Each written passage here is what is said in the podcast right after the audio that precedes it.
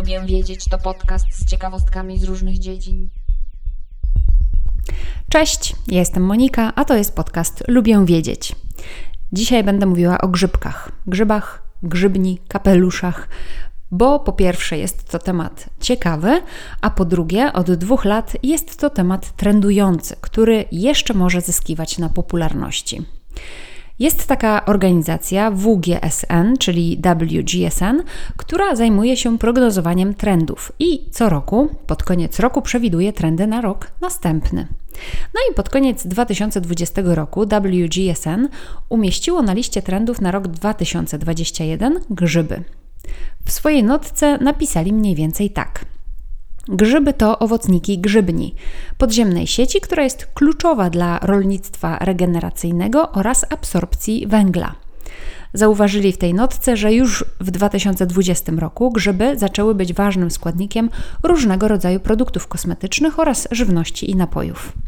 Sugerowali, że pierwsze eksperymenty ze skórą produkowaną z grzybów przejdą do fazy produkcji masowej, do użytku w torebkach, butach, sofach, do pakowania. Wspomnieli także o tym, że Adidas, Stella McCartney, Lululemon i firma Kering połączyli siły, aby zainwestować w taki nowatorski biomateriał Milo. Każda z tych marek zgodziła się wydać ogromne kwoty, aby zwiększyć produkcję i stworzyć łańcuch dostaw dla tej grzybowej alternatywy dla skóry. Farmy grzybów zmieniają życie w Afryce. Wspomnieli też o psylocybinie, nad którą badania przerwano w latach 70., a niedawno została zalegalizowana do użytku medycznego w USA w stanie Oregon. To były przewidywania na rok 2021, a na rok 2022 WGSN z kolei prognozowało wzrost zainteresowania kodzi, czyli grzybem albo pleśnią Aspergillus oryzae z rodziny kropidlaków który jest bardzo dobrze znany od setek lat w Azji i jest używany m.in. w produkowaniu pasty miso, sosu sojowego oraz sake. To tak jak już bardziej nam znane drożdże, które używane są do fermentacji piwa, ciasta czy innych produktów spożywczych. Też są przecież grzybem. No ale wracając do koji, ono pojawia się w roślinnych zamiennikach dla mięsa i jest to dietetyczny hit tego roku. Ale to są prognozy jednej firmy, a teraz czas powiedzieć: sprawdzam i zobaczyć, co się wydarzyło na świecie grzybów w ostatnim roku. Ano na przykład w styczniu 2022 czyli bieżącego roku, startup MycoWorks, w którym udziały ma modowa firma Hermes, ogłosił, że po przeprowadzeniu eksperymentów firma jest gotowa na produkowanie na masową skalę skóry do wytwarzania np. torebek. Najpierw zostanie zbudowana fabryka w południowej Karolinie, która będzie mogła produkować rocznie kilka milionów stóp kwadratowych tego właśnie materiału Fine Mycelium. W ramach programu pilotażowego w 2021 roku wyprodukowano równowartość 5000 skór zwierzęcych zużywanych na torebki, co oznacza, że 5000 zwierzaczków może nadal żyć. Do stworzenia tego materiału używana jest grzybnia, która wytwarza materiały z biomasy odpadowej, a ten materiał, który jest wytwarzany, naśladuje fakturę, ale też trwałość i jakość skór zwierzęcych. Co ciekawe, materiał jest tańszy niż skóra zwierzęca, a do tego można go łatwiej formować w różne nietypowe kształty, zdecydowanie wygodniej niż skóry zwierzęce. Zobaczymy, co te luksusowe marki będą robić dalej, ale póki co jest spory trend na kupowanie, a co za tym idzie także produkowanie zdecydowanie bardziej zrównoważonych ubrań i akcesoriów, no co jest dobrym trendem, dobrym kierunkiem. Na przykład duńska marka odzieżowa Gani wypuściła w czerwcu linię torebek i portfeli z materiału Bold Threads Milo, który jest właśnie opartym na grzybni wegańskim odpowiednikiem skóry zwierzęcej. Do tej pory firma Ganni nie mogła znaleźć materiału, który miałby być zamiennikiem dla skóry zwierzęcej, wolnego od plastiku i o odpowiednio wysokiej trwałości i jakości. Po wielu testach firma zdecydowała, że Milo, czyli ten materiał nowoczesny i innowacyjny, spełnia jej standardy wydajności i trwałości.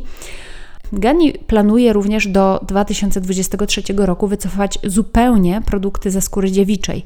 Nie wykluczają używania zrecyklingowanej skóry zwierzęcej w przyszłości, ale już nowej nie. Oprócz używania grzybów do wytwarzania nowych, bardziej zróżnicowanych materiałów dla branży modowej, grzyby stosuje się od wieków w medycynie. Jednym z takich grzybów jest wrośniak różnobarwny, znany również jako Trametes versicolor oraz Polyporus versicolor. To grzyb występujący na całym świecie, rosnący na pniach drzew i prawdopodobnie widzieliście go, jeżeli byliście w lesie. Ten grzyb już pod koniec lat 70. ubiegłego wieku, czyli XX wieku, a właściwie aktywne składniki z tego grzyba pozyskiwane, został zatwierdzony do stosowania jako uzupełniający leczenie pacjentów z rakiem żołądka, najpierw w Japonii, a potem w Chinach a następnie w innych krajach na całym świecie. W artykule z 2019 roku, do którego link zamieszczam w opisie odcinka, znalazłam informację, że pewien polisacharyto peptyd pozyskiwany właśnie z tego grzyba wrośniaka różnobarwnego wykazuje szereg pozytywnych efektów fizjologicznych, takich jak wzmocnienie odporności, działanie przeciwnowotworowe, ochrona wątroby, odporność na utlenianie, redukcja tłuszczu we krwi. Stosowany jest więc w leczeniu nowotworów, zapalenia wątroby, hiperlipidemii, przewlekłego zapalenia oskrzeli, ale także wrzodów i wielu, wielu innych chorób. Inny składnik pozyskiwany z grzybów, czyli psylocybina, ostatnio również zyskuje na popularności wśród naukowców. Psylocybina należy do psychodelików, tak jak LSD, czyli do takich substancji psychoaktywnych, które wywołują zmiany percepcji, świadomości, sposobu myślenia oraz sposobu odczuwania emocji. Psylocybina pozyskiwana jest z różnych gatunków grzybów. Występuje ich około 200 różnych gatunków, z których można pozyskiwać psylocybinę. W 1961 roku Timothy Leary i Richard Alpert uruchomili Harvard Psilocybin Project, który obejmował badania nad przydatnością psylocybiny w walce z różnymi chorobami i zaburzeniami psychologicznymi. Jednak już od 1967 roku trwały prace legislacyjne, które nakładały coraz większe restrykcje na substancje zawierające psylocybinę, aż w 1970 lub 71 zakazano jej kompletnie. Do tej pory w większości krajów psylocybina jest wpisana na listę nielegalnych środków psychoaktywnych. Jednak od początku XXI stulecia Wznowiono prace naukowe nad tą substancją i wykazano, że psylocybina może pomóc osobom z depresją lekooporną, z zaburzeniami obsesyjno-kompulsywnymi czy z PTSD, czyli zespołem stresu pourazowego. I tak jak wspomniałam, w stanie Oregon przeprowadzono referendum, w wyniku którego psylocybina została tam zdekryminalizowana. A no i na koniec opowiem Wam o tym grzybku koji, który jest z kolei wykorzystywany w różnych wegańskich zamiennikach mięsa. Mięsa ludzie unikają z różnych powodów, ale bardzo często chcą, aby jego zamienniki były smaczne i zdrowe. Dużo wegańskich czy wegetariańskich zamienników mięsa jest bardzo wysoko przetworzone i mają dodatki różnego rodzaju konserwanty, które wcale nie sprzyjają zdrowiu. Dlatego bardzo ciekawą i zdrową alternatywą mięsa jest produkt kalifornijskiej marki Prime Roots. Ich produkty są wytwarzane właśnie z koji. Grzyby hoduje się w kadziach fermentacyjnych, w których rozwijają się długie włókniste pasma, a te następnie są odcedzane, a do nich dodawane są różnego rodzaju tłuszcze i aromaty. Włókna rosnące w kadziach przypominają teksturą i wyglądem mięso kurczaka. Co jest dodatkowo ważne, koji ma bardzo dużo smaku umami, to jest smak, który tak często występuje w potrawach mięsnych, ale także właśnie w potrawach grzybnych. Dlatego te produkty Prime Roots są smaczne, zawierają dużo białka i nie są zanadto przetworzone. Prime Roots produkuje zarówno wege mięso, wege wędliny, wege owoce morza. Ja w Polsce tych produktów jeszcze nie widziałam, ale bardzo chętnie bym spróbowała. Ciekawa jestem, co Wy myślicie o grzybach, jak się na nie zapatrujecie. Może już wyglądacie sezonu jesiennego, żeby pozbierać grzyby w lasach.